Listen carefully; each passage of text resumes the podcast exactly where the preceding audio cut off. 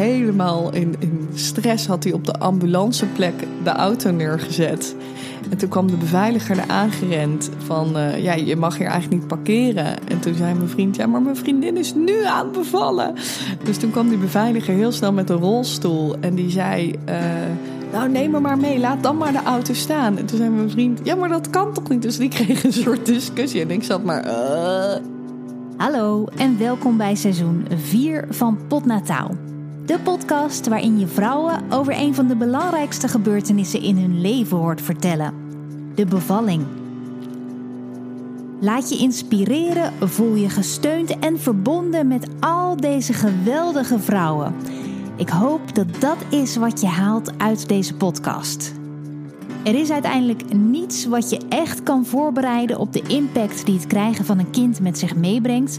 Maar horen hoe het al die vrouwen voor jou is vergaan, helpt wel een piepklein beetje. Al is het maar de wetenschap dat je er niet alleen voor staat. Ik ben Simone Wijnands, de maakster van deze podcast. En dit is het verhaal van Milou.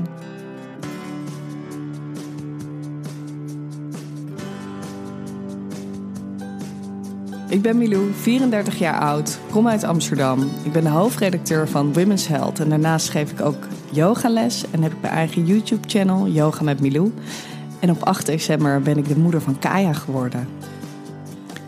Dat Milou haar verhaal deelt in deze podcast is eigenlijk te danken aan een van de trouwe luisteraars van Potnataal. Ik krijg altijd heel veel berichtjes van vrouwen die zichzelf aanmelden.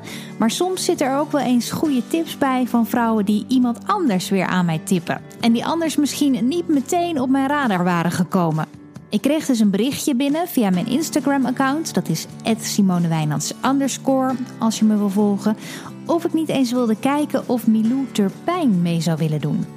Nadat ik me een beetje in haar had verdiept, leek zij mij inderdaad een ontzettend leuke en inspirerende vrouw. Van wie haar verhaal een prachtige toevoeging aan mijn podcast zou kunnen zijn. Zodoende zitten we een tijd later op afstand van elkaar op te nemen. Het duurde nog eventjes voordat we onze afspraak konden laten doorgaan. Want ja, dan had Milou weer een snotneus en dan weer ik. En nou, ga zo maar door. Afspreken in coronatijd is echt een ongelofelijke uitdaging. Maar eindelijk is het dan zover. En ik kan je nu alvast verklappen. Milou is een heerlijke verteller. Dus het was het wachten meer dan waard.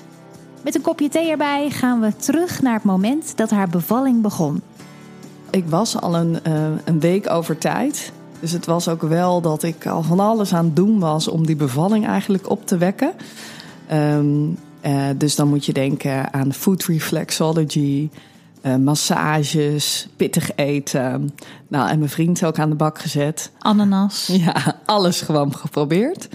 Uh, en toen waren we op een gegeven moment, op vrijdagavond, waren we uit eten gegaan naar Wijmpje Beukers, want dat is om vijf uur open. En ik was altijd heel vroeg moe, dus ik dacht, yes, om vijf uur eten en dan hoppan weer naar bed. En mijn ouders, die kwamen dus ook elke vrijdag, deden die dat met ons mee. Uh, dus we hadden daar gegeten en we liepen naar huis. En op een gegeven moment voelde ik zo flats in mijn onderbroek. En toen dacht ik, ja, heb ik nou mijn broek gepiest? Of is het dan begonnen? Is, uh, is het vruchtwater? Maar ik dacht ook, ja, uh, ik had met mijn vriend echt overlegd van we willen dit samen doen, de bevalling. Dus ik dacht, ik kan niks aan mijn ouders laten merken, want die gaan niet meer weg natuurlijk als ze denken het begint. Dus ik probeerde echt mijn beste pokerface op te zetten en ben nog gewoon naar huis gewaggeld. En um, ja, en toen thuis probeerde ik het beetje op te vangen. Want dat had de verloskundige gezegd. Van probeer het op te vangen van tevoren al. Als je denkt van mijn vliezen zijn gebroken.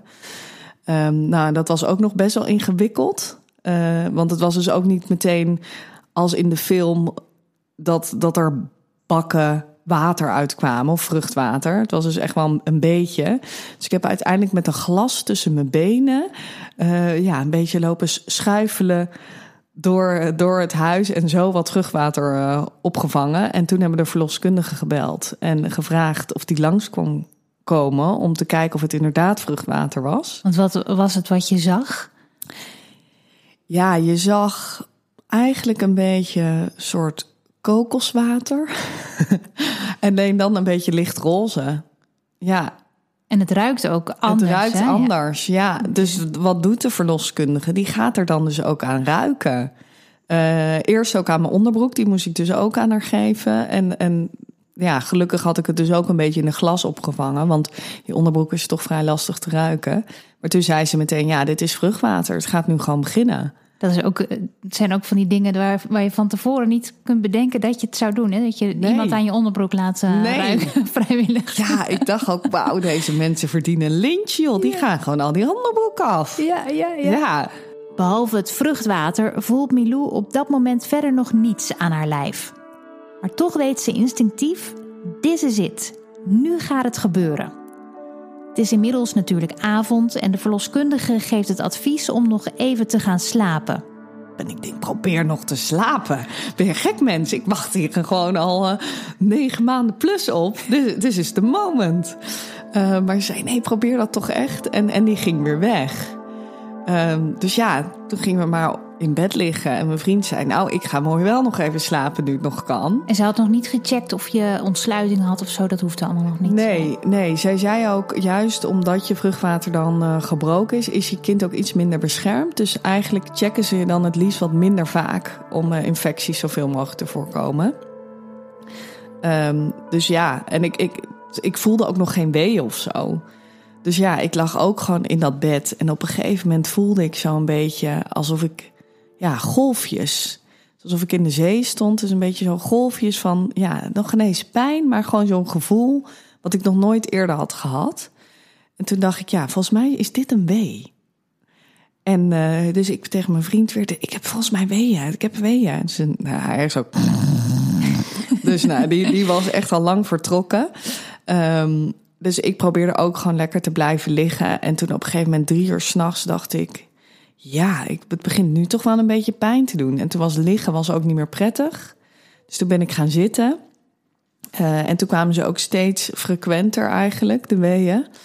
Eh, en nog steeds zat ik daar gewoon met mezelf. En toen dacht ik, nou, ik wil eigenlijk nu wel lekker muziekje op. En ik wil wel... eh, ik had zo'n lamp, weet je wel, zo'n ehm, zo'n zoutlamp. Want ik had, moest ook in mijn... ehm, ik had zo'n bevalcursus gedaan en dan moest je ook een kleur kiezen. En mijn bevalkleur was dus ook van die lavalamp. Of Oh, die ja? lavalamp, die zoutlamp. En wat, wat was daar de functie van? Nou, eh, ik heb, toen, ik heb eh, toen ik zwanger was heel veel gemediteerd. En dan steeds met die kleur in gedachten. Om mezelf eigenlijk in een soort eh, ja, trance te brengen. Dus als ik die kleur nu ook in het Engels zeg, dan raak ik ook een beetje in die trance. Ja, ik weet echt niet hoe het heeft gewerkt, maar het heeft dus echt fantastisch gewerkt. Dus als ik die kleur zie of, eh, of in het Engels uitspreek, dan raak ik ook echt meteen zo'n beetje in die trance. Omdat ik gewoon, ja, ik denk twee maanden lang elke dag die, die kleurmeditatie heb gedaan. Een rainbow meditation heet het. En dan kies je dus ook een kleur die je ja, in die trance brengt. En die meditatie is 40 minuten. Maar als je op een gegeven moment die kleur zo koppelt aan die trance, dan als je die kleur ziet, of die kleur dus uitspreekt voor mij in het Engels, dan, ehm, dan ga je daar dus meteen in. Oh, dus Ja. je kan hem nu ook niet uitspreken, Nee. anders dan kunnen we niet, moeten we even de, de podcast even op stop eh, zetten. Ja, ja. Oh, wat apart. Ja, in het Nederlands kan ik wel zeggen. Ik had dus de kleur perzik gekozen. Oh ja, ja. Ja. Dus, eh, dus ja, dus dat la, eh, nou, ik zeg het lavalamp, zoutlamp. Die zoutlamp naast me. En ik had een heerlijke playlist gemaakt, omdat ik natuurlijk onwijs van muziek hou. Met allemaal nummers die, waarvan ik wist, die kalmeren mij. En die brengen mij ook lekker in die sfeer. Dus ik was dat lekker aan het spelen. En ik, ja, ik zat gewoon tegen mijn bed. Nou, en toen op een gegeven moment, toen, eh, toen, toen voelde ik ja, een onwijze golf opkomen. En toen flats. En toen was echt het hele bed zeiknat. Het van tevoren zorgvuldig geplaatste matje op het bed helpt niets. De grote golf vruchtwater gaat er precies langs heen. Milou schudt haar vriend wakker die nog helemaal slaapdronken is. En die zei, "Huh, huh," en, die, en die pakte een handdoek. En die legde die handdoek op bed en ging weer verder slapen. Dus toen zat ik daar nog steeds. Dus een goede voorbode al voor de gebroken nacht eh, met je vriend. Zo, Ja. eh. Zo gaat dat dus. Ja, ja. Ja, en toen, nou, toen op een gegeven moment was het volgens mij half zeven. En toen, ja, toen dacht ik, nou, ik vind het allemaal, ja, ik voel toch wel echt pijn en zo. Misschien moet die verloskundige toch komen. En volgens mij had mijn vriend had haar ook wel geappt. eh, zo rond drie uur s'nachts toen echt dat vruchtwater helemaal doorbrak. Van het vruchtwater is volledig doorgebroken. Ehm, en toen, ja, rond, uh, rond zeven uur, half zeven hebben we haar dus gebeld. En toen zag zij dus dat we haar eigenlijk al geappt hadden. En toen zei ze, joh, je had toen al mogen bellen. Uh, want zij lag gewoon te slapen en was niet wakker geworden van dat appje. Dus wij zeiden, ja, wisten wij veel. Op zich ging het nog prima. En toen kwam ze en toen had ik dus uh, volgens mij drie of vier centimeter ontsluiting had ik toen al. Ja, ja dat is zo grappig. Dat, dat hoor je eigenlijk zo vaak dat vrouwen toch weer of stellen twijfelen wanneer ze nou mogen bellen. Terwijl het ja. toch altijd wel wordt gezegd en besproken. Maar toch, desondanks, ga je toch weer twijfelen aan jezelf op dat moment of het nou wel of niet mag. Ja, en ik vond het eigenlijk ook wel prima. Ik zat lekker in de zone te mediteren, naar mijn muziekjes te luisteren. Ja, dus ik kon volledig ontspannen daar met mezelf. Ik denk als zij daarbij was geweest, dat het dan, ja, wat had dat eigenlijk voor uh, toegevoegde waarde? Toegevoegde waarde, ja. Terwijl ze had heel veel toegevoegde waarde hoor. Ik ben echt super blij met mijn verloskundige. Maar um, ja, op dat moment ging het gewoon eigenlijk hartstikke goed. Dus was er ook geen reden dat ik dacht van uh, kom alsjeblieft hier naartoe. Nee, nee, nee, het ging ook nog niet zo snel. Uh, nee. Want was je wel aan het timen ondertussen of liet je dat nog even los? Nee, ik, ik, ik liet dat eigenlijk allemaal echt los. In het dagelijks leven is Milou eigenlijk ook best wel een relaxed persoon. En ook nu, een beetje tot haar eigen verbazing ook, blijft ze heel dicht bij zichzelf. Alleen ja, ik had nog nooit een bevalling meegemaakt. Dus ik, ja, ik had ook geen idee hoe ik zou reageren. Uh, en ik had ook wel. Want ik, ja, ik doe ook heel veel aan yoga dus. Dus ik kreeg ook wel van heel veel mensen van tevoren te horen van... joh, die bevalling gaat voor jou makkie zijn, want je kan goed ademen en dit en dat. En toen vond ik dat best wel lastig. En zei ik ook van ja, maar stel dadelijk is het geen makkie. En heb ik het heel zwaar. Ben ik dan geen goede yogi of zo? Ja, ja. Dus uh, ja, ik gaf dat ook wel terug aan mensen. Van joh, ik wil helemaal niet nu al ergens van uitgaan en me dan dadelijk schuldig voelen als het anders loopt. Nee, nee mensen gingen er heel erg van uit van oh, zij is heel sportief en uh, zij heeft het allemaal lichamelijk in ieder geval helemaal uh, in check, op de ja. rit. Dus ja. uh, dat, dat wordt een appeltje eitje of zo. Ja, ja, ja. ja dat vond ik toch wel ja, lastig dat mensen dat zeiden. En ook wel van ja, pas op ook wel met, je, met de woorden die je gebruikt, wat voor een impact dat heeft. Want ja als je gewoon zwanger bent sta je zo open. Ja. Um, en ik ken ook wel andere vrouwen uh, die dus ook dachten van... Uh, ja, uh, ik geef yogales, ik ben een yoga teacher, dus dit moet ik kunnen. En waarbij het dus, dus eigenlijk helemaal niet goed ging. En die meerdere ingrepen hebben gekregen en ja, daardoor echt een beetje aan zichzelf zijn gaan twijfelen. En dat vind ik gewoon zo zonde en zo onnodig. Ja. Dat ik dacht, nee, ik geef meteen tegengas als iemand tegen mij zegt... voor jou wordt te makkie. Want dat wisten we gewoon niet. Kijk, hier hou ik nou van. Goed dat ze het zo helder benoemt. Want dit is precies datgene wat ik zelf al vaker in deze podcast heb benadrukt. Hoeveel bevalverhalen je ook luistert, hoe goed je je ook voorbereidt... je weet nooit precies hoe het bij jou zal gaan... Uiteindelijk is een goede bevalling toch een samenspel van een aantal zaken. We weten dat het goed is om ontspannen te zijn. De juiste support is ontzettend belangrijk. Het kindje moet goed liggen enzovoort. Maar dan nog kunnen er altijd dingen gebeuren tijdens een bevalling waardoor het net even anders loopt dan je had gedacht. En dat is dus helemaal niet erg. Ik denk dat jezelf met die gedachte verzoenen, dat dat niet erg is, dat daarin voor een groot gedeelte de sleutel ligt naar het hebben van een fijne bevalling. Milou blijft dus heel nuchter, al hoopt ze natuurlijk wel dat haar jarenlange sportervaring haar mee gaat helpen tijdens de bevalling. Nou, ik dacht wel um, van ik ben gewend om pijn te hebben. Ja, dat klinkt, misschien heel dubieus, maar um, ja, ik heb altijd ook op hoog niveau gedanst. Um, en dan ga je ook gewoon heel vaak door je pijngrens heen. Dus, uh, en wedstrijden gedaan. En ja, dan ga je ook heel vaak door een pijngrens heen. Uh, ziek wedstrijden gedaan en, en gewoon hup doorgaan. Dus ja, ik wist wel dat ik een bepaalde doorzettingsvermogen had. Wist wat pijn is en dan toch doorzetten. En je kent je lichaam, denk ik ook heel ja, goed. Ja, en dat ademhalen, ja, dat was wel ook al bij de zwangerschapscursus meteen duidelijk dat ik de ademhalingsoefeningen heel snel eigen kon maken, omdat ik gewoon gewend ben om ja, mijn ademhaling te controleren door yoga. Dus, uh, dus ja, ik wist wel dat ik al ja, wat, wat handvatten had. Maar of het dan een makkie zou worden, ja. Een thuisbevalling had Milou wel aangedurfd, maar haar vriend is daar wat minder enthousiast over. Ik zelf had het prima gevonden om thuis te blijven. Uh, alleen ja, mijn vriend is dus heel rationeel. Dus we zijn echt soms echt een, yin en yang. Dus ik ben veel meer wat zweveriger en had er allemaal helemaal vertrouwen in van ja, dat kan gewoon thuis. Maar mijn vriend, ja, die, die leest zich dan ook helemaal in en die leest dan ook allemaal dingen van wat er allemaal mis kan gaan. Ja, en die was dan zo bang, dadelijk gaat er iets mis. En dan, ja, dan hebben we niet de zorg hier voor handen. En dan wonen we één hoog en dadelijk moet je dan uit het raam getakeld worden.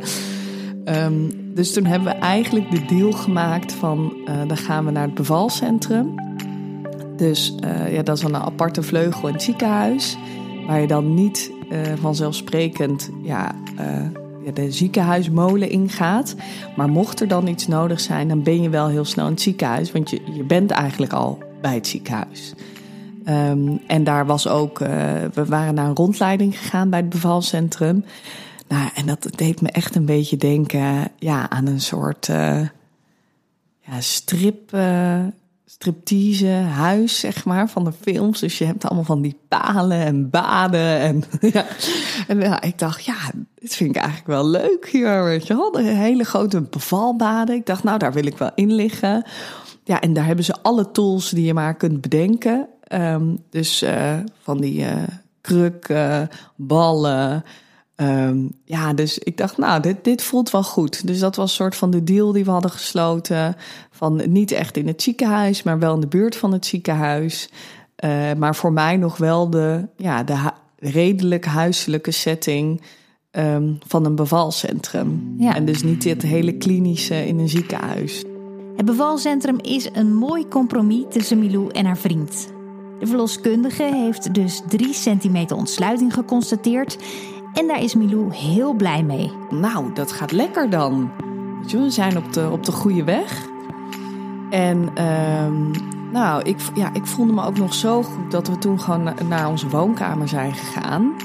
En daar zat ik gewoon lekker te kletsen met die verloskundige en mijn vriend. En nou, we gingen ontbijten en bla bla bla. We zaten eigenlijk gewoon lekker te keuvelen met elkaar. En toen op een gegeven moment zei ook wel uh, de verloskundige van ja, of je bent dit echt wonderbaarlijk aan het opvangen, alle weeën, of het zet niet echt door. Um, dus toen dacht ik wel, oh, uh, nou, ik hoopte eigenlijk dat ik het gewoon zo wonderbaarlijk goed aan het doen was. Um, dus toen raden ze me toch aan om, om ja, even te gaan dansen. Dus toen ben ik echt gaan twerken in mijn woonkamer. En dus meer stappen te gaan nemen. En niet alleen maar te blijven zitten en kletsen. Um, maar ja, toen waren we eigenlijk nog wel echt een beetje aan het grappen en grollen erover. Dus ja, het ging gewoon echt nog heel goed. En voelde je wel fit ook? Uh, ja, ik denk het wel. Maar ja. je had natuurlijk eigenlijk niet zoveel geslapen. Nee. Dus uh, hoogzwanger, dan slaap je sowieso niet zo geweldig meer. Dus nee, klopt. je had je nog wel energie. Ja, ja, ook dat ging wel goed. Ja, en ik, ja, ik vond het ook wel gewoon humoristisch dat ik daar dan zo stond te twerken in mijn woonkamer met mezelf. En ik zat nog tegen mijn vriend, doe mee, doe mee. Maar die houdt helemaal niet van dansen. Dus die dacht, ja dag, succes ermee. Heeft ja. het ook niet opgenomen uh, op, op film voor, uh, voor je zoon later? Ja, hij heeft, hij heeft heel veel foto's en video's gemaakt uiteindelijk uh, van die tijd. Omdat hij had het uit het bevalplan stiekem gehaald. Want ik had in het bevalplan gezet van we vinden het leuk als er foto's genomen worden. Maar hij vond dat zo gek dat hij dat eruit had gehaald. Dus toen had ik gezegd: oké, okay, dan moet jij dat dus wel die taak dan op je nemen. Dus dat heeft hij heel serieus genomen. Dus er, er is wel veel beeldmateriaal van. Ja, ja. ja. De verloskundige checkt nog een keer hoe het gaat met de ontsluiting bij Milou. En toen was er echt maar één centimeter bijgekomen. En toen was het geloof ik wel al uh, ja, 11 uur of zo. Dus toen had ik in, in vier uur één centimeter erbij.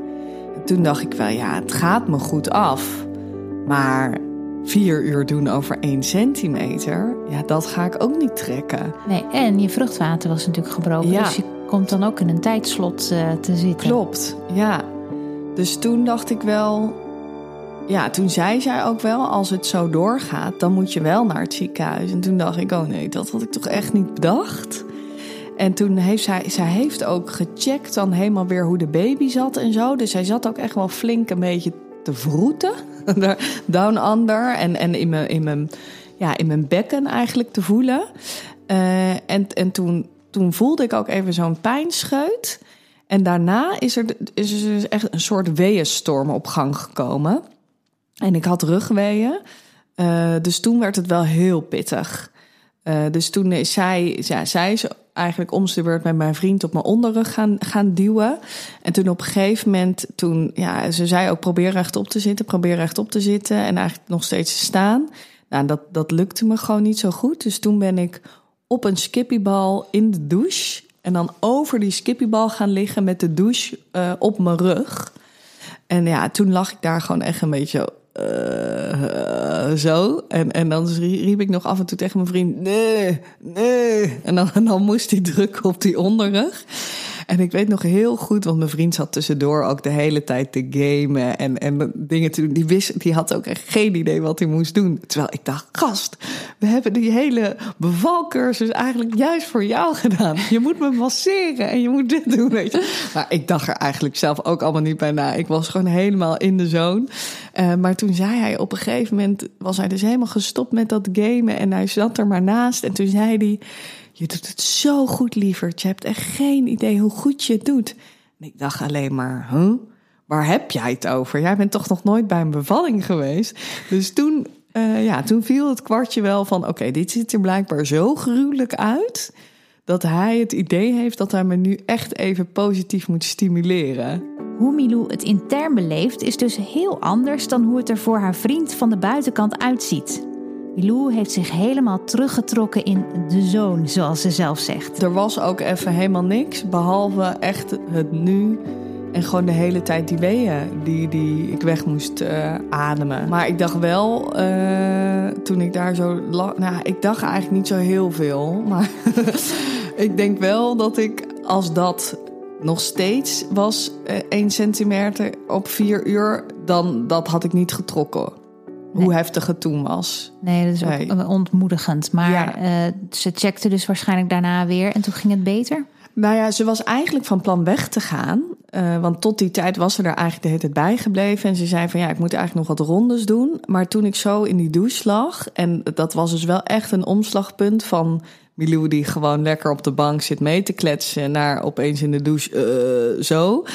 Uh, toen zei ze op een gegeven moment van nou, laat ik je toch nog maar een keer checken. Uh, dus toen heeft ze mij nog een keer gecheckt. En toen zei ze opeens: Je hebt nu wel 7 centimeter. Uh, dus ze zei: Als jij nog naar een bevalcentrum wil, dan moeten we nu gaan. Opeens wordt het dan toch weer even heel spannend. Gehaast pakken ze de bevaltas om de deur uit te gaan. En ik liep de trap af. Nou, en toen voelde ik hem gewoon echt boef, gewoon nog verder dalen. Dus ik zat in die auto en ik dacht, nou, ik krijg gewoon al persweeën. Ik krijg persweeën. En wij wonen dus uh, vlakbij Museumplein. En ik had helemaal met mijn vriend bedacht dat we juist de ring zouden pakken. En niet langs Museumplein en de Overtoom, wat hele drukke ja, gebieden zijn eigenlijk. En dus ook wegen. Maar mijn vriend in alle stress was juist langs Museumplein door die overtoom aan het rijden. Dus het was zo'n raar gevoel dat jij zit daar. En ik dacht echt al, ik moet persen, ik moet persen. En al die mensen leken naar binnen te kijken. En het was dus ook licht. Ja, zo gek was dat. Ja, terwijl niemand waarschijnlijk door had, daar zit een vrouw die aan het bevallen is. Nee, maar nee. voor je gevoel... Het uh, was zo bizar, ja. En elke hobbeltje en uh, Ja, verschrikkelijk, ja. Ja, dat was wel echt. Uh, toen vond ik het wel heel taai in die auto. Ja. En dacht je ook, uh, misschien beval ik wel hier ja. ter plekke? Ja, dat dacht ik echt. Terwijl de verloskundige had nog van tevoren gezegd dat dat nog nooit was gebeurd bij hun praktijk. Dus dat ik me daar echt eigenlijk geen zorgen over hoef te maken. Dat dat ja, statistisch gezien een mini-mini kans is. Maar ik dacht, ja, zou je net zien, hè? Dan ben ik net toch die persoon die in de auto bevalt. Uh, maar uiteindelijk hadden we dus toch gered uh, tot het bevalcentrum. En ja, mijn vriend ook he helemaal in, in stress had hij op de ambulanceplek de auto neergezet. En toen kwam de beveiliger er aangerend van, uh, ja, je mag hier eigenlijk niet parkeren. En toen zei mijn vriend, ja, maar mijn vriendin is nu aan het bevallen. Dus toen kwam die beveiliger heel snel met een rolstoel en die zei, uh, nou neem me maar mee, laat dan maar de auto staan. En toen zei mijn vriend, ja, maar dat kan toch niet? Dus die kreeg een soort discussie en ik zat maar, uh. En toen uiteindelijk heeft de beveiliger dus mij in de rolstoel gereden naar het bevalcentrum en mijn vriend de auto uh, ergens anders neergezet waar die wel mocht parkeren. Ja, en dat was ook zo gek. Dat was zo'n lieve beveiliger. En die, die wist volgens mij ook niet zo goed waar hij naartoe moest. Dus die zat ook te gillen. Ze is aan het bevallen, waar moeten we naartoe? En ik maar naar het bevalcentrum. Ik dacht voordat ik dadelijk in een andere kamer word gereden. Je ziet de situatie helemaal voor je. Het lijkt bijna een soort slapstick. En ik vind het ook mooi, want omdat we natuurlijk vaak heel serieus praten over bevallingen, zou je bijna vergeten dat een bevalling soms ook hele hilarische momenten kan opleveren. Zometeen hoor je of Milou de bevalkamer nog heeft kunnen bereiken uiteindelijk. Maar eerst moeten we er heel eventjes tussenuit voor een momentje met de sponsor van dit seizoen, Auto.nl. En nu we het toch over auto's en bevallen hebben, die angst die Milou omschreef om in de auto te moeten bevallen is denk ik heel herkenbaar. Iedere vrouw die zwanger is, schiet er wel een keer door het hoofd als die bevalling maar niet in de auto gaat plaatsvinden. En als ik maar niet in de file kom te staan met weeën. Of dat je pannen krijgt op weg naar het ziekenhuis. Nee, dat wil je gewoon niet. En volgens mij is het gewoon een universele angst. Het komt eigenlijk nooit voor, maar iedereen is er bang voor. Voordat ik voor het eerst moest bevallen, zijn we ook eerst een keer een proefritje naar het ziekenhuis gereden. Om even te kijken hoe lang we er precies over deden. Maar toen het eenmaal zover was, reden we toch een andere route, per ongeluk. Waardoor we binnendoor gingen tergend langzaam met een bus voor ons, die natuurlijk echt bij elke halte moest stoppen. En opeens snap je dan waarvoor dat hendeltje boven de deur bedoeld is. Dat is gewoon een hendel waar vrouwen met weeën zich aan kunnen vastklampen. Auto's en bevallingen, het is een ding. In elk geval is het altijd aan te bevelen om in een veilige en comfortabele auto op weg te gaan. En die auto vind je gegarandeerd bij auto.nl. Want daar koop of lease je jouw ideale auto gewoon online. Dat is heel makkelijk en veilig, zeker in deze tijd. En je mag er ook gewoon thuis in proefrijden. Dus ga naar auto.nl als je meer wil weten. Auto.nl. En nu snel weer verder met deze aflevering van Potnataal.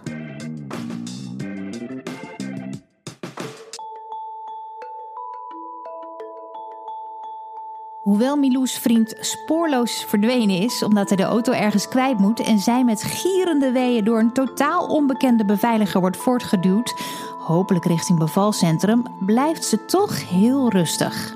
En het was ook wel een hele lieve man. Het was echt zo'n. Uh, ja, ik bedoel dat hij mij in die rolstoel heeft rondgereden. En eerst ook zei dat we wel daar mochten parkeren op die ambulanceplek dat zegt eigenlijk voldoende al wat voor een uh, ja, man dat was. Dus ik, ja, ik voelde me ook wel van wauw, nog iemand die mij steunt in dit proces. Gewoon zo'n onbekende. Ja, die had ook wat te vertellen s'avonds bij het avondeten. ja, en ik weet nog heel goed, toen kwam ik aan bij die, bij die bevalkamer. En het bad was, stond dus al gereed, want ik was al aangekondigd eh, door mijn verloskundige. Die moet dan ook bellen of er überhaupt plek is. En uh, toen vroegen ze daar dus ook aan mij: Wil je nog heel even plassen? En ik zei: Plassen, dat doe ik wel in dat bad. Dus ik ben echt in dat bad heb ik mezelf gerold gewoon. En uh, toen kwam een verloskundige eraan en toen zei ik: Ik moet al persen, ik moet al persen. En toen voelde ze en toen zei ze: Inderdaad, je mag al gaan persen. Um, ja, dus toen, toen begon ik met persen. En toen was heel even mijn verloskundige in de, in de andere ruimte. En toen dacht mijn vriend dus al dat hij het hoofdje zag. Dus Want die, was in de tussentijd wel... Ja, die eh, was er weer in de tussentijd uh, bij. En die, die gilde toen ook, ik zie het hoofdje, ik zie het hoofdje. En, en toen was er dus blijkbaar nog geen kraamzorg. Want je hebt dan even kraamzorg van het bevalcentrum. Uh, dus die moet er dan ook bij op het moment dat je echt gaat persen uh, en het hoofdje dus echt eruit komt. Dus toen zei ook mijn verloskundige: trek aan, het, aan de bel of een alarm of zo. Daar moest hij aan een rode knop moest hij op drukken of zo. Dus hij drukte op die knop en toen keek ze en toen was dat hele hoofdje zat er gewoon nog in. Dus ik weet niet wat mijn vriend zag, maar die was ook helemaal in een andere staat. Um, ja, en ik weet nog wel dat het, ja, toen was ik aan het persen en dat ik echt dacht ik scheur uit aan alle kanten. En toen heb ik ook nog gevraagd, echt in het moment suprem van... maar ik wil geen aanbijen, hoe pers ik eigenlijk aan de voorkant?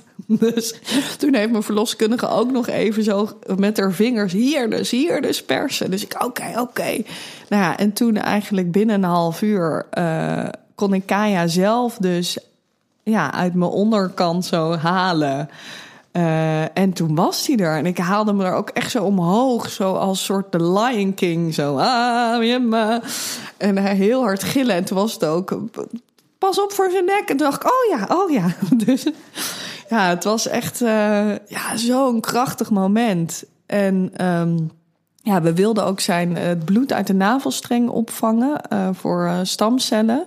Dus ik moest ook vrij snel eigenlijk uit dat bad. Daar moet je dan dus zelf uitstappen, terwijl je net bent bevallen met je kind in je armen. En nou, dat was zo'n braveheart gevoel. Zo, want dan opeens voel je dus die zwaartekracht als je eruit komt. En dan moet je die treetjes zo uit het bad en dan ja, omhoog en dan weer naar beneden. Ja, dat vond ik ook zo'n... Gewoon dat je denkt, ik heb geen kracht meer. En dan komt er weer zo'n schoot oerkracht weer in je billen. En dan hop, je gaat weer, je stapt gewoon nog alsnog dat bad uit. Er komen oerkrachten in Milou naar boven waarvan ze niet wist dat ze ze had. En de eerste blik op haar zoon vergeet ze nooit meer. Ik was uh, ja, zo blij om hem te zien. Dat ik dacht, ja, zo zie je eruit. Want ik, ja, ik had eigenlijk al de hele tijd dat ik zwanger was al heel veel uh, contact met hem. En uh, ik zat ook heel vaak op een terras, dat ik gewoon dan te kletsen met die buik. Ik denk echt dat mensen echt dachten, die is niet helemaal goed. Maar ik, ja, ik had al zo'n gezellig samengevoel de hele tijd. Dus ja, ik vond het zo leuk om hem dan te zien. En ik dacht echt, ja, dit is mijn zoon. Vol verwondering kijkt ze naar dat kleine wezentje wat uit haar is gekomen en die nu flink van zich laat horen. Ah! Ja, echt keihard was hij aan het krijsen. Ja. ja. En waar was je vriend in de tussentijd? Ja, die, die was het met zijn telefoon allemaal aan het filmen. Ja, oh. en die had trouwens eerst had hij uh, heel braaf de poepschep om te helpen. Dus die zat met dat netje zat hij maar uh, in het bad. En toen op een gegeven moment toen kwam de kraamzorg. Die zei: Nee, nee, je moet goed diep en goed daaronder. Dus die ging echt vol in het bad met, met haar hand. En toen zei hij: Nou, doe jij maar dit, dan ga ik wel nu filmen. Dus hij had wel op een gegeven moment zoiets van: Nee, het is nu wel klaar met de poepschep. Gewoon een beetje zo met dat netje een beetje doen. zonder dat mijn hand echt in het water hoort. Hoeft, vind ik het prima. Maar als we echt diep gaan in het water, dan I'm out. Op een hele subtiele manier van ja, nee, dat moet ook filmen. Ja. slim van hem, ja, hè? Ja, heel, heel slim, ja. Milou voelt zich ondertussen alsof ze net als in Braveheart een soort veldslag heeft gewonnen. Ik ben zo'n sterke krijgersvrouw, zo eigenlijk. En ik voelde me ook zo gedragen van dit kan ik gewoon en dit heb ik gewoon gedaan. En ja, Nee, ik was helemaal nog niet moe. En hoe snel het dus uiteindelijk nog is, uh, is gegaan. Ja, klopt. Ja, dat persen is echt heel snel verlopen. Ja. En, en dat, ging ook, dat ging dus uiteindelijk ook heel goed. Ja, nou, ik, ik ben wel uitgescheurd hoor. Maar gelukkig geen totaalrectuur. Dus ik, ik vroeg ook wel, hoeveel hechtingen heb ik dan? Toen zei ze, ja, ja, ja, de manier waarop ik hecht is dat een beetje lastig uh, lastig te zeggen. Dus dan dacht ik, nou, volgens mij wil ik dit dan ook niet weten als je zo antwoordt. Doe maar, je ding, dat ja, ik. maar dat doen ze dan, want ja, als jij bad gaat, dan moest je daarna natuurlijk waarschijnlijk op een bed weer even gaan, uh, gaan liggen Klopt. met hem erbij. En dan, want dan, uh, je placenta moest waarschijnlijk ook nog geboren worden. En dan, dan doen ze dat hele riedeltje dus. Klopt, ja. En die placenta die kwam ook niet uit zichzelf. Dus toen hebben ze me op een gegeven moment een spuit oxytocine gegeven. En toen vroegen ze aan me, ben je lenig? Dus ik denk, ben je lenig? Ik zei, ja, best wel. Maar ik ben natuurlijk hartstikke lenig. Dus toen eh, dan hebben ze dus mijn benen in mijn nek gelegd twee keer. Blijkbaar, ja, werkt dat dan? Wordt dan ook die baarmoeder een beetje ja, samengeperst? En toen daarna voelde ik inderdaad weer die druk in die onderrug. En toen zei ze, nu dan persen. En toen... Uh, toen kwam die eruit, ja, de placenta. Dus toen kwam uiteindelijk toch nog die yoga-achtergrond enorm van pas. Precies. Ja, nou ja, misschien werkt het ook al met die benen, uh, als die benen niet zo ver komen. Maar uh, ja, ik vond dat ook wel allemaal die trucjes die ze dan allemaal hebben. Denk ik, jeetje, wat fijn. Wat, wat een goede verloskundige. Ze is opgelucht dat de placenta zonder problemen naar buiten komt en ze lekker kan blijven genieten van haar pasgeboren zoontje. Ze maken er echt een feest van in het bevalcentrum. Want daarna eh, rijden ze gewoon een heel karretje met champagne, eten, alles ja, wordt uit de kast getrokken. En dan mag je daar gewoon nog heel even lekker bij komen met je baby. En je baby wordt, de, de checks worden natuurlijk allemaal gedaan. Ehm, en ik had ook iets verhoging. Dus ze zeiden ook: blijf nog even gewoon eh, lekker rustig liggen en eet wat, drink wat. Uh, en je moet natuurlijk voor de eerste keer plassen. Ehm, maar ja ik, vond, ik, vond, ja, ik ben eigenlijk wel pro-bevalcentrum. Ik was wel blij dat ik daar lekker zat. In de tussentijd houden Milou's ouders het bijna niet meer uit van de spanning. Die hadden donders goed door uh, wat er allemaal aan de, aan de gang was. Dus die waren ons wel de hele tijd aan het appen. Maar ja, ik zat natuurlijk überhaupt niet op mijn mobiel. En, en mijn vriend die was ook wel even ergens anders mee bezig. Uh, dus op een gegeven moment uh, ja, zat mijn moeder ook wel te appen van waar zijn jullie nu? um, maar uiteindelijk, ja, toen ja, we, we, ze hebben zo lang in dat bevalcentrum nog gehangen met z'n drieën. Um, dat we vrij laat thuis waren. En toen kwam onze eigen kraamzorg nog. Dat mijn ouders eigenlijk pas de dag daarna zijn gekomen. Die vonden dat zelf heel jammer. Maar ja, wij vonden het ook wel bijzonder om eerst echt even met z'n drieën te zijn. Omdat het gelukkig rustig is in het bevalcentrum op dat moment, mogen ze nog rustig even van de kamer en elkaar genieten. En ook willen ze de verhoging die Milou heeft gekregen goed in de gaten houden. Hoewel het heel goed gaat, is er wel veel bloed verloren tijdens de bevalling. Ik was wel, wel zoveel bloed verloren um, ja, dat ik hoefde nog net geen uh, transfusie. Uh, maar ze hebben wel nog daarna mijn ijzer gemeten en dat soort dingen. Uh, en ik moest wel verplicht, verplicht bedrust voor vier, vijf dagen. Ja. ja, en het voel je dan natuurlijk ook wel dat je dat nodig hebt, denk ik. Ja, ja, ik heb geen idee hoe natuurlijk een bevalling is zonder al dat bloedverlies. Dus uh, ja, ik was wel op zich wel kapot. Maar ik heb die eerste nachten ook niet geslapen. Ik was die eerste nachten nog steeds, stond ik zo strak. En, en was ik echt als een leeuwin aan het waken, s'nachts over Kaya. Die mocht ook niet in de co-sleeper, die moest gewoon bij mij in bed. En ik was gewoon de hele nacht aan het kijken of niemand Kaya ging pakken van mij. Dat vond ik ook zo bizar. Dan ja. denk je, je bent kapot. Maar toch, ik kon niet slapen hoor. Milou leeft die eerste dagen in een rare mix van adrenaline, een intens krachtig moedergevoel, maar ook een soort heimwee naar hoe het was. En wat ik wel had op een gegeven moment was ik heel verdrietig in de kraamtijd dat wij niet meer één waren. Dat wij niet meer in één lichaam zaten. Uh, dus dat weet ik wel nog heel goed. En ik had ook het gevoel dat hij daar heel verdrietig over was. Dat we daar samen even lekker in die kraamtijd over, over hebben moeten huilen. Ja, ja, snap, ja dus snap wel, uh, ja, wel bizarre gevoelens gehad. Die ik ja, van tevoren niet had voorspeld. Nee. Nee, maar ik vond ook de kraamtijd een hele bijzondere tijd. En we hadden ook een hele fijne uh, kraamzorg. En mijn vriend die was er ook gewoon uh, de hele tijd bij. En die noemde het de kraamvakantie. Dus die nam ook lekker s'avonds een biertje. En ja, die leerde ook zoveel uh, ja, over hoe die voor Kaya moest zorgen. Want ik moest eigenlijk de hele tijd in bed liggen. Dus hij was ook de hele tijd met onze, met onze kraamzorg aan de bak.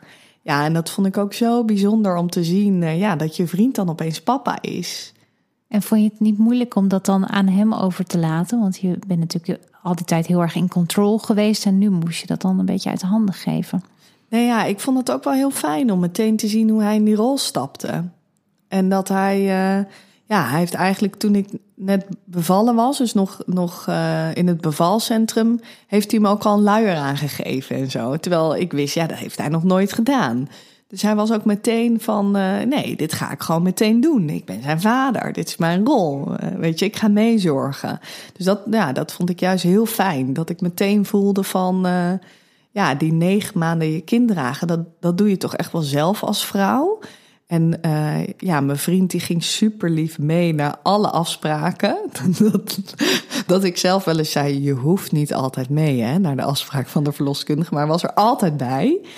Uh, maar verder, ja, doe je dat toch echt alleen, dat kind dragen. Dus uh, ja, dat ik meteen voelde van, hé, hey, we zijn echt een team. Uh, omdat hij meteen zo goed voor Kaya zorgde. Ja, dat vond ik alleen maar heel fijn. En met de kleine Kaya gaat het ook vandaag de dag nog helemaal super. Ja joh, die, ja, die is dus al 9,5 maand. Die, die kan al staan. Die, die gaat al langs de bank en langs de tafel. Stapt hij al zo heen en weer. Die brabbelt de hele dag. Ja het, is, ja, het is gewoon heel gezellig om hem erbij te hebben. Ik zie je heel snel met lopen. Ja, terwijl zitten doet hij dus bijna niet. Dus ik twijfel of ik hem wel in een fietsstoeltje kan zetten. Maar hij staat dus wel al. Ja, Oh, ja. ja, dat is, echt, dat is wel vroeg hoor. Ja, dat vind ik eigenlijk helemaal niks hoor. Van mij, van mij mag hij nog lekker gewoon, gewoon zitten en een beetje kruipen. Is wel makkelijker ja, dan dat je de hele tijd achteraan moet uh, rennen. Ja, en uh, ja, bij ons hele huis staat vol met planten. Dus al die planten moesten ook eigenlijk een nieuwe bestemming. Want hij trekt al die planten naar beneden. Ja, ja als hij kan staan, kan hij opeens ook bij veel meer dingen kan hij erbij. Ja, allemaal dingen waar je van tevoren nooit over na hebt gedacht. Nee, dat een uh, probleem kon, uh, kon opleveren. Ja. ja. Ja, maar heeft jouw energielevel uh, volgens mij dus ja. in ieder geval. Ja, ja. ja en mijn enthousiasme. ja, en zijn doorzettingsvermogen vind ik zo knap. Dat je gewoon ziet dat, dat hij iets wil zoals dat staan. Uh, of dat hij iets wil pakken en dat lukt in eerste instantie niet. En dan maar blijven proberen, blijven proberen.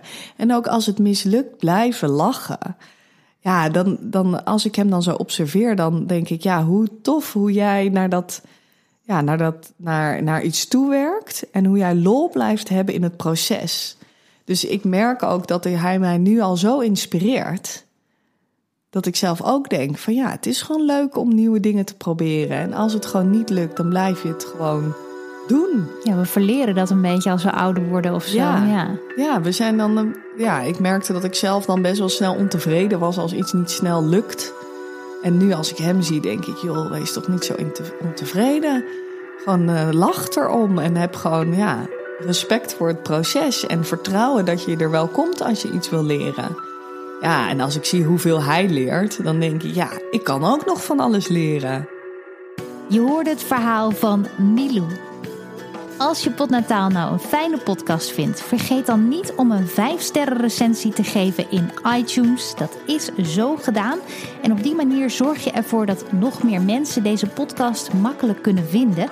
En een recensie achterlaten, dat kun je natuurlijk ook daar doen. En daar ben ik ook heel blij mee. Die lees ik ook altijd. En als je je abonneert, dat kan bij elke podcast-app, dan krijg je altijd een melding als er een nieuwe aflevering is. Wil je mij dan graag een persoonlijk bericht sturen naar aanleiding van deze podcast? Doe dat dan even via mijn Instagram-account. Dat is Simone Ik vind het leuk als je me daar komt volgen.